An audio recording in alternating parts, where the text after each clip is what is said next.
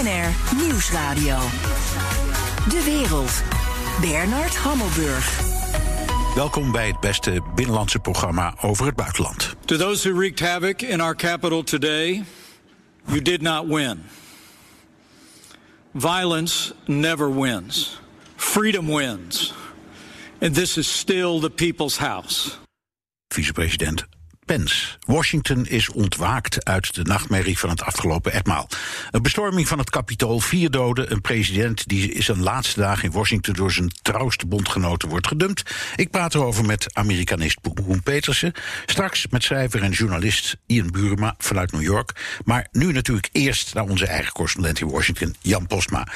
Jan, uh, mijn indruk is dat uh, Trump-loyalisten hem nu laten vallen. Maar dat die miljoenen Trump aanhangers nog steeds vinden dat de verkiezingen zijn gestolen. Ja, dat zie ik ook wel. Als je op tv kijkt naar de, de talking heads uh, aan, de, de, de Trump-kansen, zullen we maar even zeggen, dan, dan zie je daar toch wel dat er wat afstand wordt genomen. Niet door iedereen trouwens, maar het gebeurt wel. En uh, ja, op straat, uh, wat ik gisteren hoorde, dan, hoor je eigenlijk helemaal wat anders. Uh, ik sprak gisteren een vrouw bij het Capitool en die zei: Ik vind het zo vreselijk dat dit gebeurt. En ik knikte wat mee, want ik dacht: ja, het congres wordt bestormd op basis van een verkiezingsfraude die Trump en Fox en zijn bondgenoten blijven rondroepen, maar waar ze geen bewijs voor hebben. dus ik snap het wel. Maar toen zei ze: Ja, dit land gaat eraan. Want Biden heeft met hulp van China, Italië en Obama de verkiezingen gestolen. Dit land wordt nu communistisch. Dit waren onze laatste uh, vrije verkiezingen. Uh, ze, ze, kon wel in tranen uitbarsten, maar niet om de reden dat ik dacht. En zij was niet de enige. Dit, dit, dit, het was gisteren echt een, een brei aan complottheorieën wat daar rondliep. Ja, ja. En een, tot ik weet niet wat. En, en allemaal dingen die, die je steeds weer terug hoort in, de, in die alternatieve media. Uh, maar dus niet in de rechtbanken bijvoorbeeld, waar toch de waarheid uh, belangrijk ja, is. Hoe zit het er die alternatieve realiteit die blijft echt. Ja, hoe ziet het er op het ogenblik uit in Washington, Jan? Nou, Bernard, het is heel. Uh, het zonnetje schijnt sowieso. Dus het ziet er nu weer een stuk vrolijker uit. Maar het is heel stil op straat. Uh, je weet, hè, door, door corona zijn alle kantoren hier ook sowieso uh, dicht. Dus het is altijd al stil. Maar het is nu wel een beetje extra stil. Er is echt bijna geen mens op straat. Het is een zootje bij het Capitol Building. daar hingen, hingen gisteravond nog, nog groepjes Trump-supporters rond bij hun hotels in in de binnenstad. maar het was toen ook al stil. De avondklok was ingegaan. En nu, ja er is eigenlijk bijna niemand op straat. En, wat ook wel opvalt, uh, veel politie overal nog. Uh, ook bij het Witte Huis bijvoorbeeld, waar ook nog steeds alles is afgesloten. Dus uh, ja, het, is echt even een, een stad die aan het zuchten en aan het bijkomen is. Ja. Jan, Trump is minder dan twee weken nog president. Ziet het volk dat ook nog zo? Of heeft hij zich nu te veel onmogelijk gemaakt? Ja, zo, zoals wij vaker het er wel over hebben, ook in onze podcast, uh, Bernard, dat, dat, daar zit een, een tweedeling in. Hè. Wat democraten vinden, dat weten we wel. Die, die tellen al vier jaar af. Dat is natuurlijk alleen maar meer geworden. Die snakken al heel lang naar het einde van, van het presidentschap van Trump. Ja, die harde kern van Trump-supporters, wat, wat, ik je net vertelde. Ik, ik heb gisteren geen verandering gezien daar. Het, het maakt eigenlijk niet uit. Ze zijn zo overtuigd van die fraude en, en dat zij iets, ja, alles eraan moeten doen om hun land nog te redden. Uh, dat beeld is echt niet veranderd. Ze zijn niet geschrokken of zo, uh, de mensen die ik sprak. Nee. Dus uh, ik ben vooral benieuwd hoe het dan met die gematigde, wat meer, meer de klassieke republikeinen zeg maar, gaat. Een beetje de, de average Joe-versie van Mitt Romney. ja, wat vinden die ervan? ja, hoe, hoe, kijken die nu tegen Trump aan? Ik ben er benieuwd naar. Ja, ik ook. Um, er is ook steeds, wordt steeds maar gevraagd, de vraag gesteld: heeft Trump nou een strafbaar feit gepleegd? Met die oproep aan de menigte om, om, om te marcheren naar het kapitool. En er wordt ook gesproken over het 25e amendement. Dan kun je een president afzetten als hij uh, niet meer helemaal uh, alle vijf op een rijtje heeft. Um, is nog nooit gebeurd trouwens. Maar hoe wordt daarover gesproken?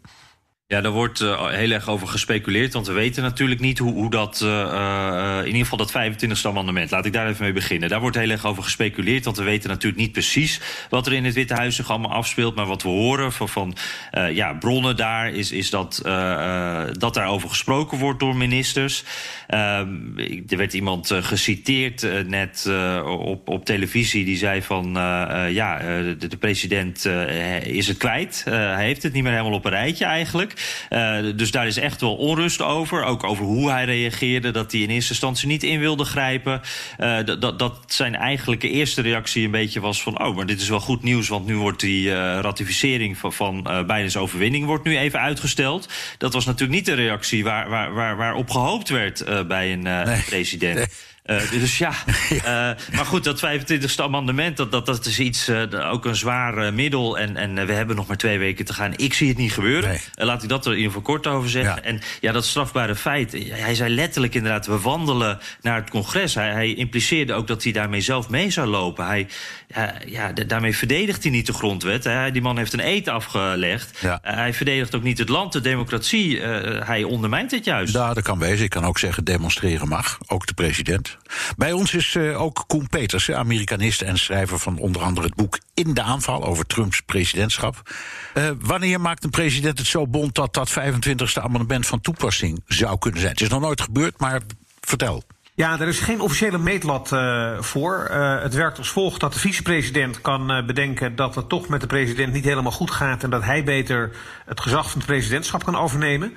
En als hij meerderheid van de ministers daarachter kan krijgen, dan kan hij een brief sturen met die handtekeningen naar het congres, naar de voorzitters van het Huis en de technisch voorzitter van de Senaat. En dan heeft hij de macht in handen. De president kan dan met een uh, tegenbrief die macht weer terugvragen. Maar op, of terug eisen. Uh, maar op het moment dat er een tweede brief gaat waarin de vicepresident met die steun dat bevestigt, dan is hij in feite de baas. Uh, en dan moet het congres binnen vier weken daarover stemmen. En tot die tijd is de president uit functie. Dus op zichzelf is het een route die eigenlijk in heel korte tijd uh, gevolgd kan uh, worden. Wat de criteria zijn, dat ligt dus niet heel specifiek vast. En het is vooral een politiek oordeel, meer dan wat dan ook. Uh, die ertoe moet leiden of uh, daar dan voldoende steun voor is, uh, ja of nee. Ja, er was gelukkig ook veel aandacht voor de afloop van het debat waar het allemaal om ging. namelijk de bevestiging van het presidentschap van, van Biden en de winst in Georgia. Um, uh, Jan, kun je zeggen dat dat toch ook wel het nieuws mededraagt? Of is het nog steeds allemaal, vooral als je daar zo in Washington bent, uh, die gebeurtenissen van het afgelopen etmaal? Ja, het, is dat laatste hoor. Uh, de, de, de, de, de rest is eigenlijk compleet ondergesneeuwd. Als je hier de televisie aanzet of, of de kranten openslaat, dan, dan lees je echt uh, uh, voornamelijk over die bestorming. Dat heeft gewoon echt enorme indruk gemaakt hier. terwijl die andere zaken natuurlijk ook heel erg belangrijk zijn. Want die, ja, de, de, de verdeling van de Senaat gaat natuurlijk Bidens toekomst ook bepalen. maar ik denk dat dat, ik geloof dat dat nieuws zo'n beetje binnenkwam op het moment dat de mensen al in het kapitool stonden. Uh, dat, dat uh, Georgia naar de Democraten was gegaan. Dus het, uh, ja, dat is helemaal ondergesneeuwd. Ja. Um, Mike Pence was eigenlijk, kun je zeggen, een beetje het politieke schoothondje van Trump. na wat er nu allemaal is gebeurd, zijn ze eigenlijk met knetterende ruzie uit elkaar. Trump eiste dat Pence de verkiezingsuitslag ongedaan zou maken. even nog aan, aan jou, Jan. Uh, de vraag: Trump moet toch hebben geweten dat dat helemaal niet kan? Dat dat onmogelijk is? Ja, eh, dat, dat zou je zeggen. Ik, ik, moet eerlijk zeggen, de laatste uh, weken uh, weet ik echt niet meer wat Trump nou echt vindt en wat hij zegt uh, voor de show. Ik, ik heb altijd het idee gehad dat er heel veel show bij hem uh, bij zit. Um, maar uh, hij lijkt er zo van overtuigd. Hij blijft het zo consequent volhouden dat ik dat ook niet meer weet. En dat botst dan inderdaad. Want ja. Pence die moet zich uiteindelijk toch aan die wet houden. doet dat dus ook. En, en Trump die ja, die, die, die, ja die, die vindt natuurlijk, we weten dat hij dat soort zaken ook relativeert. Trump die wil graag de, de grenzen van de wet opzoeken. En ik denk dat hij dat ook weer heeft geprobeerd. Ja. Maar, nou, hij is ook, helemaal overtuigd van wat hij zelf nee, zegt. Maar hij had ook een grondwettelijk argument. Hij zei, we hebben allemaal af, ambtseed afgelegd... dat we de, de grondwet uh, beschermen en de mensen beschermen en gaan ze maar door. En dat moet Pence ook doen. Ik heb een vraag aan jullie beiden. Uh, gaat de breuk tussen Trump en Pence over het schisma... dat ontstaat op dit moment in de Republikeinse Partij. Koen? Ja, ik denk dat um, eigenlijk uh, je toch wel kunt zien dat uh, die twee vleugels die in de Republikeinse Partij uh, zich voordoen, dat die nu wel worden belichaamd door uh, Trump en uh, Pence uh, aan elke kant van het spectrum in dit, hè, dit moment van de waarheid, zou je kunnen zeggen. De, Republikeinen zijn een partij waar doorgaans traditionele conservatieve politici in domineren. En dat wil zeggen dat ze een kleine overheid willen, sociaal conservatief zijn, lage belastingen, weinig regels en toch redelijk coöperatief in internationaal verband. Trump heeft gezegd, ja, die partij loopt op zijn einde. En je zag ook dat de achterban van die partij eigenlijk een beetje aan het uitsterven was. Met het diverser worden van Amerika. En Trump heeft ingezet op het redden van de ongehoorde Amerikanen. Die arbeidersklasse die zich in geen van beide partijen vertegenwoordigd zag. Nou, daar heeft hij ongelooflijk veel succes mee geboekt. En heel veel Republikeinen dachten, nou ja, dat is schitterend. Dan passen we ons maar een klein beetje aan. Maar dan hebben we weer een lease on life. Dan kunnen we langer aan de macht blijven. Misschien ooit zelf nog een keer in het Witte Huis terechtkomen. En daarmee heeft Trump eigenlijk heel veel steun gekregen van mensen die het misschien niet in de wortels met uh, hem eens waren, maar wel hebben meegelift op zijn uh, succesvolle ja. aanpak. En uh, ja, nu is die aanpak eigenlijk helemaal ontploft in de ramp die we afgelopen 24 uur hebben gezien. Ja. Nu trekken mensen zich ook weer van Trump af. Hè. Een heel schitterend voorbeeld is Lindsey Graham, een traditioneel senator uit South Carolina, die grote vijand was van Trump vier jaar geleden, nu zijn beste vriend. En die heeft ook gisteren in de senaatsvergadering gezegd van oké, genoeg is genoeg. Ook ik trek nu toch weer van het een op het andere moment mijn handen van Trump af. En dat is de strijd waar uh, de Republikeinen nu doorheen uh, moeten gaan. De uh, actieve politici, daar domineert naar mijn taxatie die traditionele conservatieve insteek. Alleen bij de achterban kan het omgekeerd zijn. En dat is natuurlijk voor een politieke partij een ongelooflijk onhandig dilemma. Ja, dat is zo. Jan, het, het, dit sluit aan bij het beeld dat jij op straat vindt. Hè? Van het soort mensen dat moppen. Dat zijn misschien niet typisch republikeinen, maar wel mensen die zich allemaal enorm verzetten tegen het establishment. Echte Trumpisten. Zoals, een beetje zoals Koen ja. het ook laat zien in zijn verhaal. Ja, ja, nee, dat klopt helemaal. Het, het, is echt een strijd tegen het establishment. En dat heeft ook, uh, ja, dat zie je dus ook, uh, die, die, die haat richting de media, uh, haat richting politici. Dat komt er allemaal in terug. Dit zijn mensen die zich echt nog steeds ongehoord voelen. En dus ook het gevoel hebben van, wacht even, ik heb op Trump gestemd. waarom is die uitslag niet anders? Want iedereen om me heen heeft ook op Trump gestemd. Dus ik word weer niet gehoord. Dit kan ik niet over mijn kant laten gaan. Nee. Dankjewel, correspondent Jan Posma. We spreken elkaar uh, straks weer, want dan gaan we natuurlijk een nieuwe editie van de Amerika-podcast opnemen. Dit is BNR De Wereld. Nog steeds mijn gast, Koen Petersen. We had an election that was stolen from us. It was a landslide election, and everyone knows it, especially the other side. President Trump heeft vannacht wel gezegd dat hij zal meewerken aan een de ordentelijke machtsoverdracht, maar blijft beweren dat hij de echte winnaar is. Uh, Koen, wat voor strategie zit daarachter om dat steeds maar te blijven volhouden? Want je kunt zeggen, misschien gelooft hij het, maar het moet ook een strategie zijn. Ja, het is voor hem een beetje het tovermiddel om die achterban aan hem uh, te binden. Hij heeft eigenlijk met die uh, aanpak van de afgelopen vier jaar tot ieders verbazing electoraal gezien heel veel succes gehad. Weliswaar heeft hij verloren van Biden, maar hij heeft 4 miljoen stemmen meer gekregen dan vier jaar geleden. Terwijl iedereen dacht, nou ja, die vent wordt totaal van de mat geveegd bij de, bij de verkiezingen. En driekwart van de republikeinse kiezers, dus dat zijn er echt tientallen miljoenen, die geloven Trump. Dus door op deze manier die achterban te blijven bedienen, houdt hij ook die groep in zijn macht. En dat betekent dat als er kandidaten moeten worden gevonden voor de Senaten, voor het Huis van Afvaardigden of een gouverneur. Dat hij toch met die steun die hij nog onder die uh, achterban weet uh, te krijgen, uh, nog grote invloed kan hebben op wie kandidaten gaan zijn voor die belangrijke posities. Ja. En als hij zelf nog in 2024 kandidaat wil zijn voor het presidentschap, dan hoopt hij dat hij op die manier alvast driekwart van de Republikeinen opnieuw achter zich zal ja, vinden. En, maar hij denkt ook aan de, de, de, de parlementsverkiezingen van al over twee jaar, hè, neem ik aan. Dus, dus het is ook, hij wil ook zijn pionnen neerzetten, misschien. Ja, dat klopt. En dat is wat ik uh, net probeerde aan te ja. geven met dat hij ook bij die nominaties van kandidaat-senatoren en kandidaat-afgevaardigden een grote rol kan spelen. Want als iemand die traditioneler is, dus uit het andere kant komt, zegt van oké, okay, ik wil senator worden. En als Trump zegt, ja, maar wacht eens even, ik heb liever dat een Trumpist uh, senator wordt, dus ik steun Piet en ik laat weten via Twitter dat ik dat doe, dan is driekwart van de Republikeinen alvast voor Piet. En dan is die traditionele Republikein kansloos. En zo maak ik die partij zelfs in mijn afwezigheid toch nog Trumpiaanser dan die al is. Ja. Er waren uiteindelijk een stuk of 80, denk ik, Republikeinse leden van het Huis, of bijna 102 senatoren van oorspronkelijk 13, die bleven weigeren om Biden meteen te erkennen als winnaar van de verkiezingen. Wat zijn daarvan de gevolgen, denk je? Is dat ook omdat die zich positioneren? Ja, ja het, het, het, gevolg is dat die, dat, dat, dat die partij ook nog uh, uh, verdeeld zal blijven, omdat ook die achterban uh, zich kan herkennen in die paar Trump-loyalisten die ook op dit cruciale moment niet hebben meegestemd met ja, in feite het erkennen van een normale uitslag waarvan niet is aangetoond dat die oneerlijk is verlopen. En dat zijn ook de mensen die mogelijk zich kandidaat gaan stellen voor het presidentschap in 2024. En die denken, ja, stel je nou voor dat Trump in de gevangenis zit vanwege die strafzaken die nog door moet. Of dat Trump toch uh, uh, zijn, de handdoek in de ring gooit. Of op een andere manier geen kandidaat is.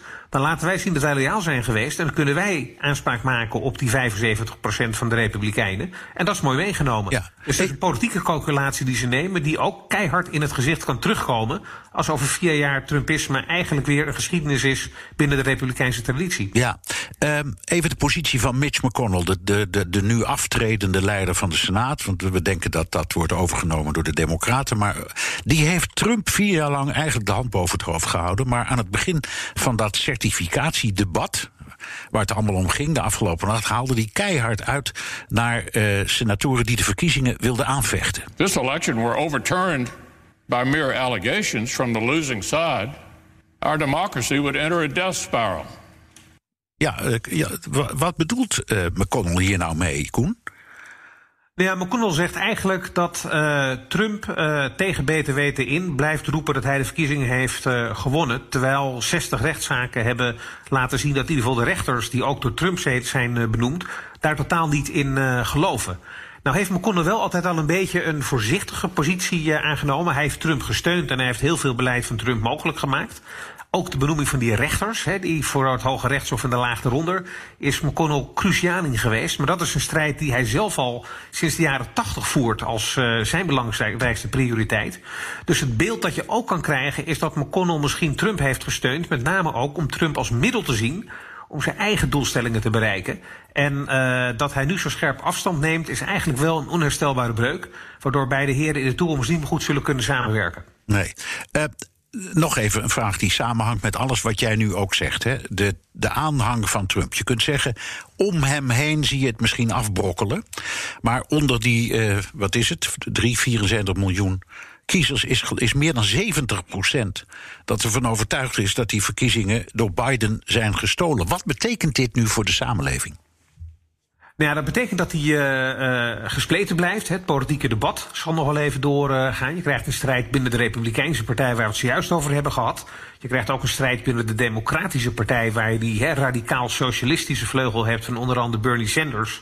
En de gematigde vleugel waar Joe Biden vanuit komt. Dat zal iets zijn wat nu veel zichtbaarder gaan worden omdat zij als machthebbers in Washington daar nu overeenstemming moeten gaan uh, bereiken. Dus het wordt nog heel uh, onrustig. Maar wat deze discussie over het politieke gekrakeel eigenlijk verhult, is dat er een groot maatschappelijk probleem is in Amerika.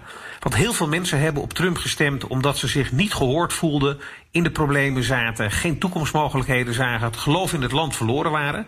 En de Trump iemand zagen die eigenlijk zei wat zij dachten en een uh, grote meneer in Washington kon worden. En als Trump weg is, is dat misschien voor het establishment een bron van rust. Want dat betekent dat in het kapitool en het Witte Huis weer een beetje de normale omgangsvormen kunnen worden hervonden. Maar dat betekent niet dat die mensen opeens uh, gered zijn. Die blijven aan de rand van de afgrond en die zien dat zij niet meer meedoen aan die meer Amerikaanse droom. En dat blijft nog wel gisten. En het wachten is op een ja, nieuw soort Trump, hoe die er ook uit uh, gaat zien, die zich toch over die groep gaat ontfermen. Want het probleem waar die mensen mee zitten, dat is nog niet weg. Nee, als je nou Biden hoort, die, die hield best een mooie toespraak. Uh, te midden van alles wat er gebeurde. Die heeft het dan over verbroedering en het wegslijpen van de scherpe randen. En ik denk dan, als ik als Trumpist daarnaar kijk, dan gooi ik een bierglas door de tv. Um, En volgens mij is het ook niet zo dat alle Democraten nou met Biden dwepen. Denk je dat Biden in een positie is om toch iets van, ja, ik zal maar zeggen, waar het volk om vraagt te verwezenlijken? Of is die kansloos? Ik denk dat hij uh, eigenlijk een heel groot probleem heeft gekregen toen hij dankzij de overwinningen in Georgia een meerderheid kreeg in de Senaat. Want hij heeft zelf te maken met een partij die verdeeld is. Hij komt uit de gematigde vleugel en je hebt ook een hele radicale vleugel waar Bernie Sanders en die eh, AOC, die eh, progressieve mevrouw uit New York in het Huis van Afgevaardigden, de gezichten van zijn. En die zijn behoorlijk compromisloos. Die willen bijvoorbeeld gezondheidszorg nationaliseren. Nou ja, daar hebben heel veel mensen hele grote problemen mee, omdat het toch wel vrij tussen aanhalingstekens on-Amerikaans is om dat zo uh, te doen. Ze willen klimaatbeleid veel radicaler voeren dan Biden uh, wil doen. Dat gaat ten koste van de werkgelegenheid en economische groei. En dat heeft Biden nodig om succesvol te zijn. En als Biden die meerderheid niet had gekregen in de Senaat en als de Republikeinen die hadden behouden, dan had hij kunnen zeggen: jongens, luister, ik ben het met al die linkse plannen eens. Alleen we moeten wel gematigd zijn, want ik heb gewoon de steun van die rechtse republikeinen nodig... die uh, ja, overal een streep doorheen kunnen zetten als het door de Senaat komt. Ja, maar je Daarmee had hij de linkervleugel koers kunnen houden. Dat ja. kan nu niet. Dus die strijd gaat nu op links spelen. En daarmee gaat hij zich verwijderen van het politieke centrum. Waardoor mensen aan de rechterkant van het spectrum zich misschien nog minder gehoord voelen. dan ze uh, eigenlijk tot nu toe al doen. Maar je moet ook een beetje kijken naar de werkelijkheid. Want we hebben het dan wel over hij heeft de Senaat gewonnen. Maar het is nu precies 50-50. Dat betekent dat uh, Kamala Harris, de, de vicepresident, nodig is om bij stakende stemmen de doorslag te geven. En ik hoorde iemand op Fox News, een commentator, zeggen. Ja, dat betekent niet echt dat de de, de macht bij de Democraten ligt. Die zullen bijvoorbeeld van een aantal commissies zullen ze het voorzitterschap moeten gaan delen. Want anders krijgen ze toch niks voor elkaar. Dus het je kunt niet zomaar zeggen: ja, dat is nu ook democratisch geworden. Ik had die redenering niet eerder gehoord. Hoe zie jij dat? Nou ja, theoretisch, uh, hè, als je een pijpje rookt en je zit bij de haard en je denkt erover na, dan zou je inderdaad dat hele genuanceerde beeld kunnen krijgen.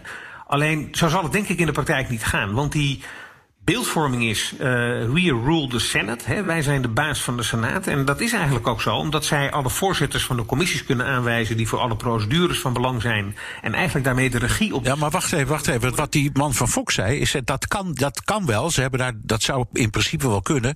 Maar dan krijg je enorme oorlog. Ze doen er verstandig aan. Het is in het verleden ook wel eens gebeurd. Om ook bij, als, bij die commissievoorzitters aan een paar, uh, zou zeggen, niet al te onsympathieke republikeinen te denken.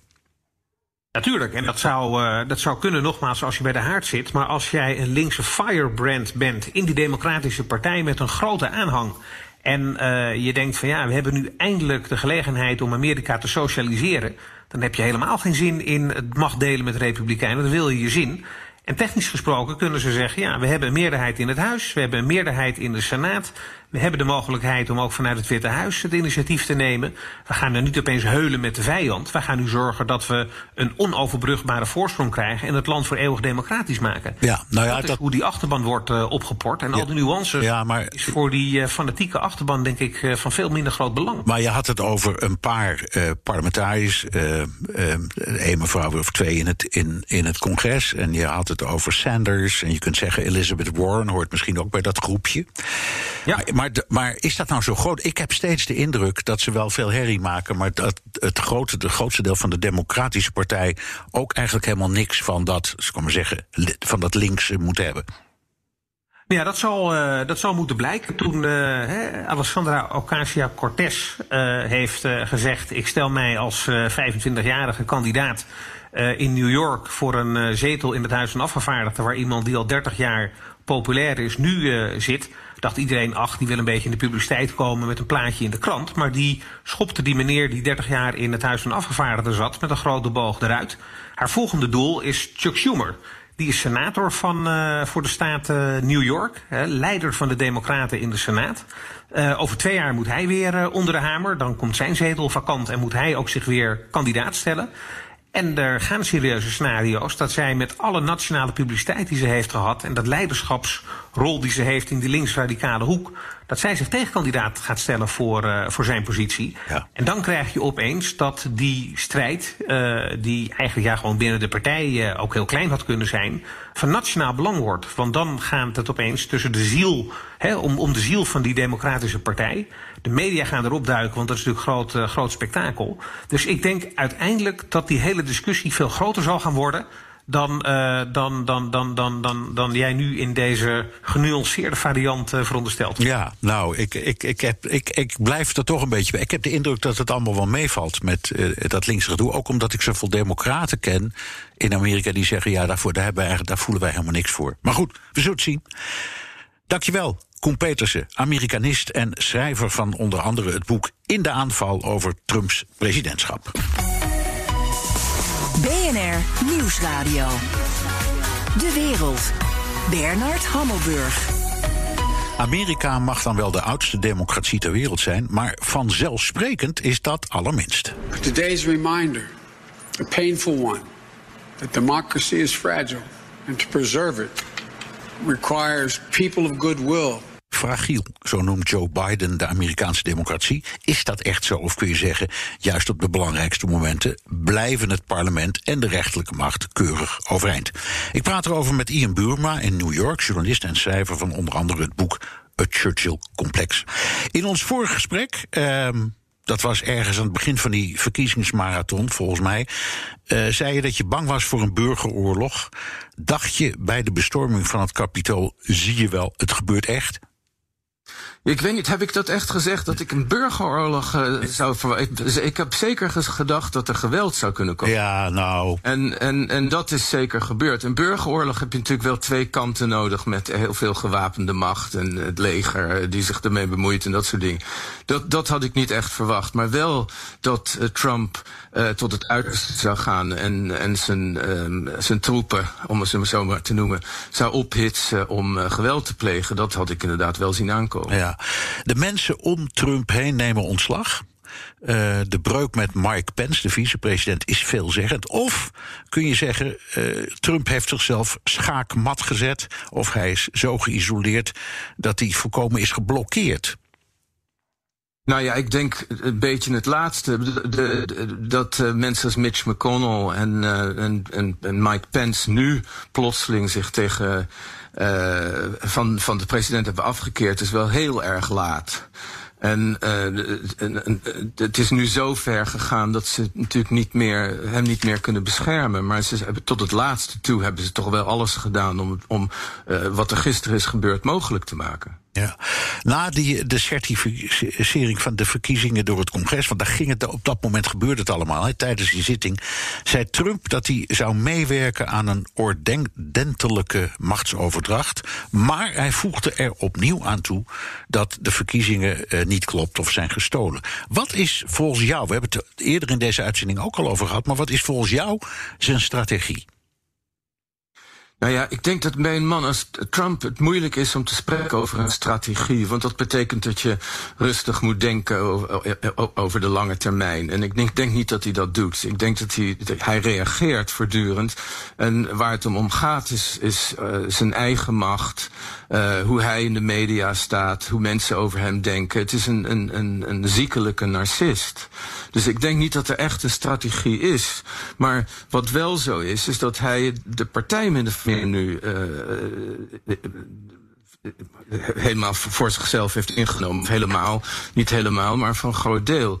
De vraag is dus in hoeverre uh, de Trumpisten uh, de volgelingen van Trump, die dus geloven dat die verkiezingen zijn gestolen en andere dingen, hoe lang die stand kunnen houden zonder uh, Trump in het Witte Huis. Ja. Uh, dat is de grote vraag. Ja.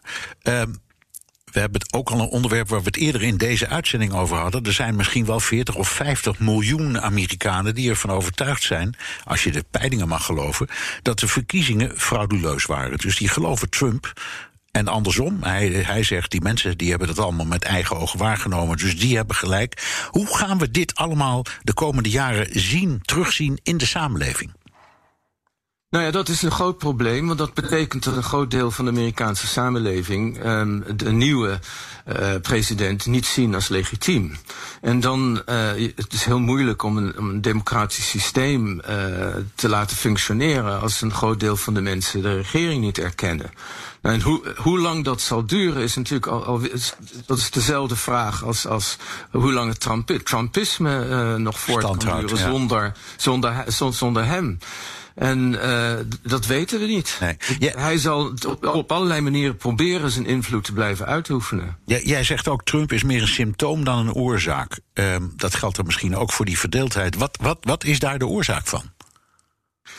Nou ja, dezelfde dingen die spelen in zoveel landen op dit moment. Een, uh, een, een, een, groot aantal mensen die uh, het gevoel hebben dat ze niet worden gehoord, dat ze zijn achtergebleven, dat de wereld uh, uit hun vingers glipt en, en, en, en daar, alle, daar angstig voor zijn.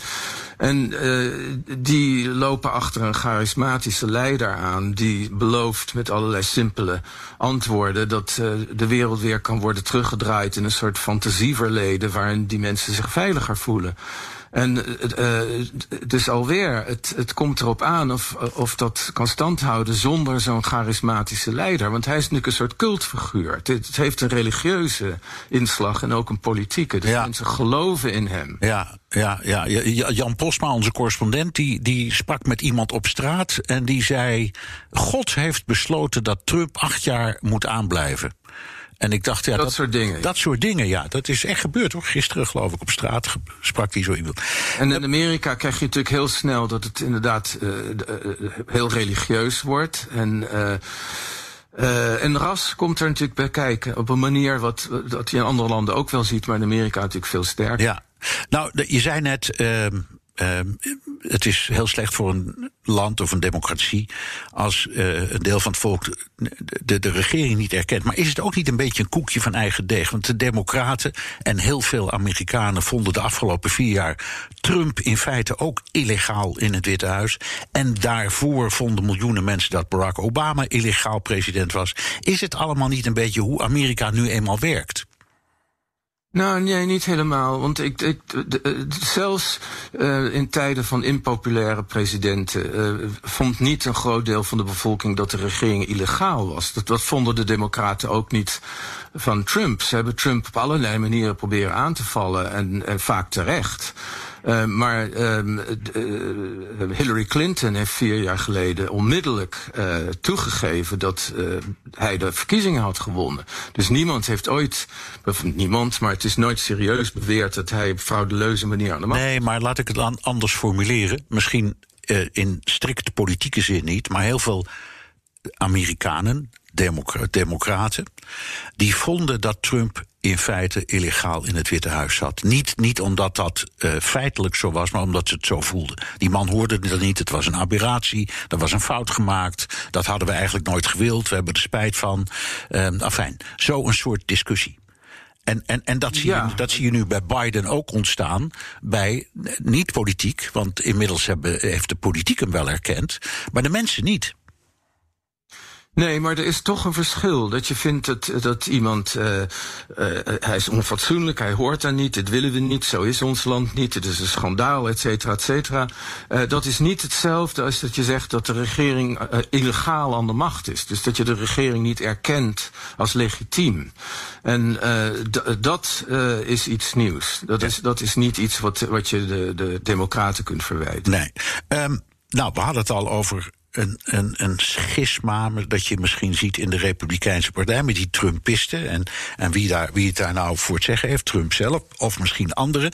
En aan de andere kant zie je toch een soort van religieus-conservatieve flank ontstaan. met uh, kopstukken als uh, Mike Pence en Ted Cruz. Hoe zie jij dat? Ja, dat is natuurlijk wel een ouder probleem. Uh, in Amerika heb je die, die rechtse, evangelische. Um, uh, dat, dat aspect is natuurlijk al heel oud. Alleen ze hebben zich heel lang niet bezig gehouden met de politiek. En, uh, nou, sinds Reagan, sinds Reagan is dat het geval. Ja. ja. Het is sinds Reagan het geval. Uh, dus dat is niet zo heel lang. Nee. Um, maar in ieder geval, dat is, een, dat is iets om serieus te nemen. Maar dat is niet noodzakelijk. Uh, het is niet, niet altijd zo dat, dat mensen die, die dat die ev evangelisten, dat die uiterst recht zijn. Um, op sommige punten vaak niet. Um, en dus dat is. Uh, dat, dat kun je niet helemaal voorspellen hoe dat gaat. Nee, maar ik, ik, ik denk, bedoel, ik bedoel eigenlijk. Is er een soort strijd gaande tussen die groep, Um, hoe je ze ook definieert. En, de, en Trumpisten. Dus is er, wordt er touw getrokken om wie nu eigenlijk de Republikeinse Partij is of wordt. Nou ja, veel van die evangelisten waren Trumpisten of zijn Trumpisten. Dus ik denk inderdaad dat er wel een strijd zal, zal komen tussen de, de populisten, om het maar zo te zeggen. Dus mensen die, die de, denken dat ze in oorlog zijn met de elites. En die elites, dat zijn niet alleen de democraten, maar dus ook uh, de meer behoudende uh, republikeinen. Um, en, en, de, en, en, de, en, en de oude garde, die in de Republikeinse Partij meestal uh, de belangen van, uh, van de zakenwereld en dat soort dingen, de banken en uh, dergelijke dingen behartigde. Nou, die strijd zul je zeker krijgen, maar dat is natuurlijk ook iets wat je in, op een veel kleinere schaal bij andere conservatieve partijen in de wereld ook ziet. Ja. Binnen de VVD heb je natuurlijk ook altijd die twee kanten gehad. En om het in Amerika te houden, bij de, bij de Democraten heb je dat ook. Daar heb je de linkerflank van Sanders en Warren en toch een beetje de conservatieve flank van Biden. Bij de Republikeinen had je la, jarenlang een liberale vleugel met mensen als Gerald Ford en John McCain. En een rechtervleugel. Dus, dus beide partijen ja. hebben in, in, in, zeg, zeker in verkiezingstijd moeite om, om, om al die flanken in één worst te persen. Ja, en dat is een, een, natuurlijk uh, uh, altijd een, een groot probleem met een twee-partijen-systeem. Dat de partijen, uh, om het op een positieve manier te zeggen, zijn vertegenwoordigen een brede kerk. En dat betekent inderdaad dat ze hele verschillende vleugels toch bij elkaar moeten, moeten houden. En ik denk bij de Democraten dat het nog ingewikkelder is. Het is niet alleen een, een, een meer behoudende flank en de meer linkse kant van Sanders. Links is ook verdeeld tussen de, de, de, mensen die dus de cultuurstrijd en ras en gender en dat soort dingen, identiteit heel serieus nemen. En anderen die zich meer toeleggen op economische uh, belangen. Ja, um, ik heb die vraag wel eens eerder aan je gesteld en toen hebben we daar ja, een beetje over gelachen misschien, maar het is ook wel heel serieus. De vraag was toen: wil jij nog wel in dit Amerika wonen en, en leven? En die vraag stel ik nu opnieuw, nu Biden heeft gewonnen en ook beide huizen heeft binnengehaald. Verhoogt dat jouw vertrouwen in voor jezelf, in het voor het leven in, in de Verenigde Staten? Nou, laten we het zo zeggen. Uh, het, maakt de volgende vier jaar in ieder geval iets minder um, angstwekkend dan het zou zijn geweest als Trump had gewonnen. Dus het, uh, wat dat betreft uh, maakt het het leven iets rustiger. Uh, maar de problemen die hebben geleid tot Trump zullen niet verdwijnen. En het enige wat ik kan zeggen, misschien heb ik dat vorige keer ook gezegd, maar het is in ieder geval geen moment saai. Nee, dat kan dus het, het, uh, het, het, leven hier is wat dat betreft, is, is, uh, het maakt het wel interessant. Ja. En, en uh, ja, de belangen zijn natuurlijk heel groot. Ja, nou ja, je zegt dus, zegt dus komende vier jaar, maar over twee jaar zijn er alweer parlementsverkiezingen. En dan, ja. dan, dan kunnen Maar het blijft, het, het blijft boeien. Ja. Uh, het is niet zo dat ik me hierdoor Amerikaan ga voelen of zo. Integendeel eigenlijk. Maar ik, ik vind het wel boeiend. Ja. Aan de andere kant heb je een, aardige van een oud-Italiaanse premier Letta. Uh, die zei: de Amerikaanse-Europese relatie hangt af van een handjevol kiezers in Arizona, Pennsylvania en Nevada. En je zou, je zou nu kunnen zeggen: geldt misschien ook voor Georgia. Is de zekerheid dat je in een stabiele, liberale samenleving woont niet enorm aangetast? Als je kijkt naar wat jij zelf gewoon, en ik ook hoor trouwens, de afgelopen tijd hebt meegemaakt. Ja, maar stabiliteit kun je natuurlijk uh, uh, uh, overdrijven. Een, een, liberale samenleving is waarschijnlijk nooit helemaal stabiel. Omdat het is, het is altijd vol, zit vol conflicten. Daar, daarom zijn we liberaal. Omdat we geloven dat, we die, dat die conflicten echt zijn. Dat er verschillende belangen zijn. En dat je die op een vreedzame manier kunt oplossen. Maar dat leidt niet noodzakelijk tot enorme stabiliteit. Een, een dictatuur is stabiel. En weet je, dan, dan weet je precies waar je aan toe bent. De ja. ja waar je aan toe bent. Ja. Maar uh, dus, dus uh, het is inderdaad in Amerika vaak een rotzooi, maar die rotzooi heeft natuurlijk wel, ook, ook wel iets te maken met het feit dat het een, ook een democratie is. Ja, en een grote en, en natuurlijk een mega groot land. Ehm, even over, tenslotte over Europa. Moeten Europese leiders in jouw ogen nu Biden omarmen? Uh, en de periode Trump eigenlijk maar zo snel mogelijk vergeten? Of moeten we, zoals bijvoorbeeld Macron zegt, maar, en in Nederland het, het Kamerlid Bram van Ooyek, een beetje af van onze afhankelijkheid van Amerika? Nou ja, ik, ik, het hangt er vanaf wat je bedoelt met omarmen. Ik denk wel dat het. Nou ja, belangrijk... wij, zijn, wij zijn natuurlijk een enorm Atlantisch land geweest altijd. Ja. Uitgesproken uh, pro-Amerikaans. En, en, Nederland. Ja. En Nederland zal ook altijd wel eh, meer een Atlantisch land blijven dan, dan bijvoorbeeld Frankrijk. De Fransen hebben natuurlijk al sinds de Gaulle geprobeerd om uh, Amerika een beetje of, uh, af te ketsen en, en, een onafhankelijke Europese politiek te voeren.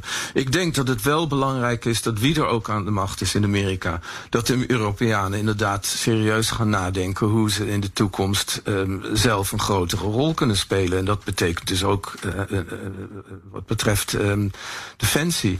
En dat zal niet 1, 2, 3 gebeuren. Maar ik, ik, ik, ik heb wel sympathie voor de meer gaullistische uh, tendens in Europa nu. Die vindt dat uh, Europeanen niet meer zo afhankelijk moeten blijven van de Verenigde Staten als ze zijn geweest ja. sinds 1945. Nee, dus, Oké, okay, dank. Ian Burma, journalist en schrijver van onder andere het boek Het Churchill-complex. BNR Nieuwsradio. De wereld. Ik praat door over de ontwikkelingen in de Verenigde Staten met Martijn van Helvert, buitenlandwoordvoerder van het CDA. Hoe kijkt u naar die bestorming van het congres in Washington? Nou, als ik die beelden zag, eh, eh, dan denk je wel van, jongens, jongens, hoe, hoe is het mogelijk dat zoiets kan gebeuren? En dan, dan, dan ga je toch stiekem een beetje denken van, goh, hoe zou dat nou zijn dat als zo'n mensen die gangen bij ons in de Tweede Kamer zouden rennen en lopen. Uh, en, en moet zeggen, dat vond ik eigenlijk best wel uh, beangstigend uitzien. En dan denk je ook van hoe is het mogelijk dat zoveel mensen zomaar dichtbij uh, konden komen met, met, met kwade bedoelingen. Dat, dat vond ik wel heel, heel angstig. Maar dat is dat, dat in het klein gedacht. En in, in dus het, groter, het groter plaatje denk je, ja, ongelooflijk hoe het mogelijk is dus dat uh, dat mensen in zo'n grote getalen dus bereid zijn om uh, de eigen democratie eigenlijk zo, zo aan te vallen. En, het, en ik bedoel, dat is in het verleden wel eens vaker gebeurd natuurlijk, dat mensen boos zijn of bang zijn uh, en daardoor boos worden op, op de volksvertegenwoordiging of het, of het landsbestuur. Maar dat dan ook een, de president zelf dat in eerste instantie, ja, ik kan toch niet anders zeggen dan toch eerst aanmoedigt en in ieder geval niet afstraft. Nee. Nee, we, we, we, we hebben het uh, in een nachtuitzending of avonduitzending bij BNR vergeleken met de, de bestorming van de Bastille, uiteraard in, in 1789, leek het een beetje op. En toen zei uh, collega Bas van Werven, ja, maar dat zat toch anders, want dat was tegen de zonnekoning en in dit, dit geval werd het aangevoerd door de zonnekoning. Ja, ja, nou je zou het haast uh, inderdaad kunnen zeggen. Ja, kijk, nou weet je, in die zin Trump die deed eigenlijk ook wel alsof hij natuurlijk ook maar uh, een strijder was tegen de grote macht. Hij zei altijd, uh, de deep state was eigenlijk waar hij altijd tegen streed, want dat was toch het echte kwaad. En als het ware de zonnekoning dan maar, zoals Trump het zei. Dus hij heeft wel wat mensen boos gemaakt. En, en, kijk, ja, en de, en was natuurlijk ook volgens mij de plek waar het, waar het duskruid vooral opgeslagen lag wat ze nodig hebben of hadden om echt te knokken. Dan weet ik niet of dat ook opgeslagen ligt in het kapitool. Maar, uh, maar, maar dat er iets van een soort, uh, ja, toch, ja, ik zou toch gaan zeggen, georganiseerde volksopstand werd gecreëerd, dat is wel zo. Ja. Kijk, en aan de andere kant moeten we ook zeggen, kijk, want dat mensen natuurlijk, als ze boos zijn, wel eens geweld gebruiken en boos worden, dat is natuurlijk van alle tijden. En dat kun je natuurlijk in deze tijd wel wat sneller organiseren, ook door social media. Uh, maar kijk, het grootste gedeelte van de Amerikanen wil dit natuurlijk ook niet. dat zie je ook. Heel groot deel zegt, wij willen, we willen niet dat. Uh, we krijgen al van jongs af aan aangeleerd dat we respect moeten hebben voor de Amerikaanse vlag. Ja, maar er zijn wel heel veel Amerikanen, misschien wel 40, 50 miljoen op zijn minst, die inderdaad denken dat de verkiezingen zijn gestolen. Nou, nou ja, die, zullen, die, die, zullen niet allemaal het kapitool willen bestormen, dat ben ik met u eens, maar toch. Ja. Ja, nee, dat is net, en natuurlijk dat veel mensen boos zijn of ontevreden of, of bang, hè, of, of, of, het, niet meer weten om, de koning maar eens even, om onze koning maar eens te citeren. Dat, dat geloof ik direct en dat mensen daar ook wel emotioneel onder kunnen worden. Maar het bestormen van het eigen democratische huis, dat is wel nog een stap, een stap verder. Ja. En, uh, en en, en ik denk eigenlijk dat het echt, ja, dat het wel heel, ja, echt heel slecht is dat uh, Trump daar in zijn tv-reactie of dat filmpje wat hij opnam, uiteraard uiteindelijk wel zegt: jongens, we moeten geen geweld gebruiken. Maar hij begint wel even te zeggen: van luister eens even, we weten, onze uh, verkiezingen zijn gestolen. En, en, als je alleen die ene zin hoort, ja, dan, uh, dan, dan zie je dat gewoon als een approval, als een goedkeuring. Ja. Dat vind ik wel een hele kwalijke zaak. Ja. Want democratie is echt belangrijker dan die ene persoon, ook al is dat de president. Ja. U bent voorzitter van de contactgroep Verenigde Staten van de Tweede Kamer. Dus u hebt directe lijntjes met congresleden in Washington. Die hebben wij hier niet. Dus vertel, wat, wat hoort u van, van die collega's?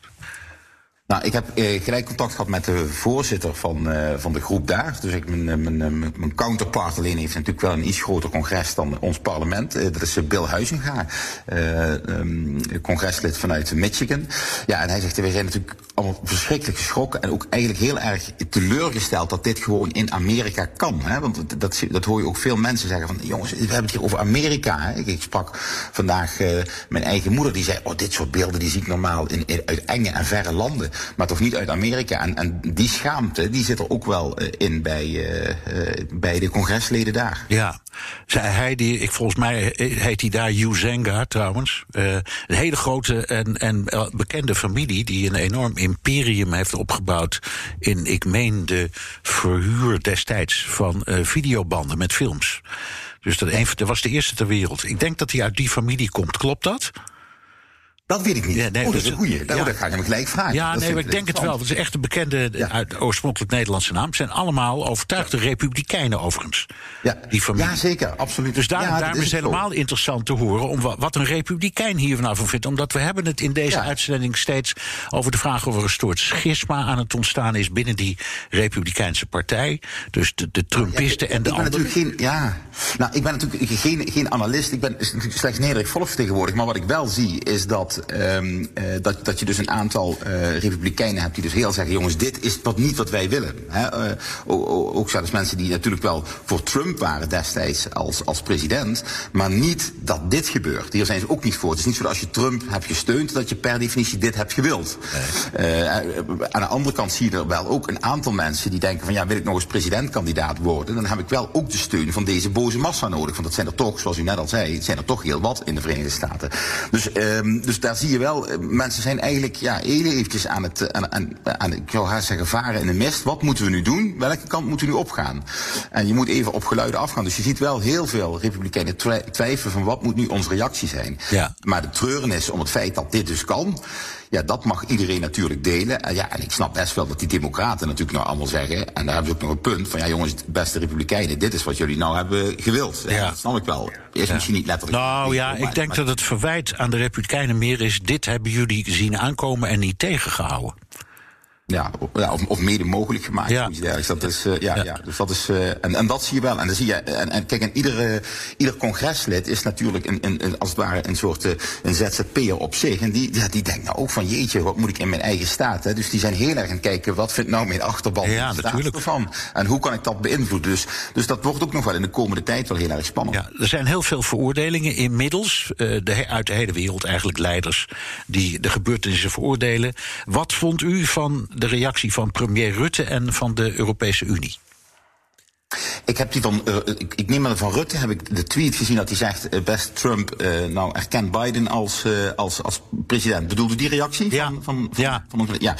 ja, dat vond ik, want volgens mij was hij ook heel snel, als ik het zo had gezien. hij was een van de eerste, ja.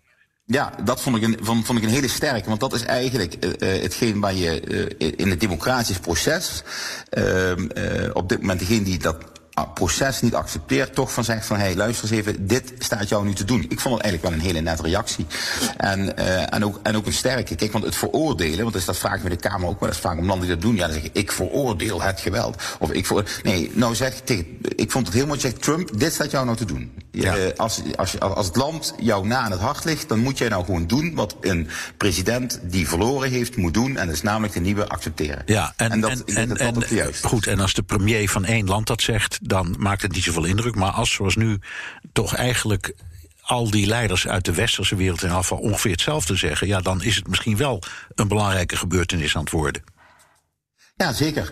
En eh, kijk, weet je wat het is? Je mag ook in een democratie, in een rechtsstaat, mag je ook een besluit aanvechten. Daar mag je boos over zijn. En dat mag ook de president. Maar op het moment dat je dat hebt gedaan en je hebt dat bij rechters neergelegd, je hebt hertellingen laten plaatsvinden en er komt steeds uit dat het niet het geval is en je komt zelf niet met bewijs, dan is het op een gegeven moment klaar. En die situatie is voor Trump nu al lang gepasseerd. Ja. En uh, op, op dit moment moeten we gewoon zeggen dat de rechtsstaat en de democratie, Verenigde Staten, is vele malen belangrijker dan een individu individu wat nog steeds boos is. En ook al is dat individu uh, Trump.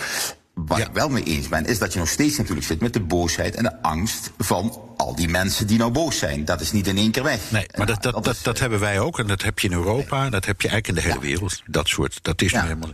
Even, even. Nee, nog heel... In Nederland heb je ook. Ik bedoel, Precies, als, als Wilders het niet eens is met een rechter, zegt Wilders ook die rechter deugt. Ja, dus, dus, hetzelfde soort boosheid. Of, of Baudet zegt ook van, uh, van, van, van die rechter deugt niet. En mensen die toch al angstig zijn of boos zijn, of nogmaals, onze koning citeren, het even niet weten, die denken: oh ja, het zal wel kloppen, die rechter zal wel niet deugen. Weet je wat, jongens, die rechter deugt niet. Dus nee. we hebben in Nederland ook wel die, uh, die, die, die, die, die gevoelens, die ja. zijn er hier ook wel. Maar we hebben hier, uh, net als in Amerika overigens, hebben wij ook hier een hele grote kritische massa die zegt: hey, doe eens eventjes, uh, doe eens eventjes normaal. Ja. En die is er in de Verenigde Staten ook wel. In de laatste twintig seconden die we hebben, uh, oh. denk, denkt u dat Amerika. Het programma toch, hoop ik? Ja, het programma. Ja, nee, nee. Ik gooi, ik gooi u er niet uit hoor. Ja. Maar het programma eindigt gewoon. Ja.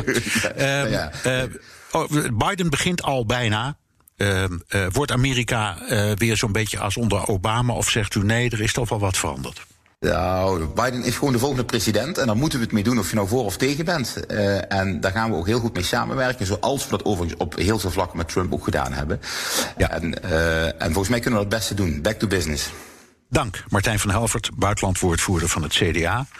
Wilt u meer horen over het fascinerende land? Luister dan naar de Amerika-podcast die Jan Postma en ik vanmiddag nog gaan opnemen. Tot zover BNR De Wereld. Terugluisteren kan via de site, de app Spotify of Apple Podcast. Reageren kan via een mailtje naar dewereld.bnr.nl. Tot volgende week.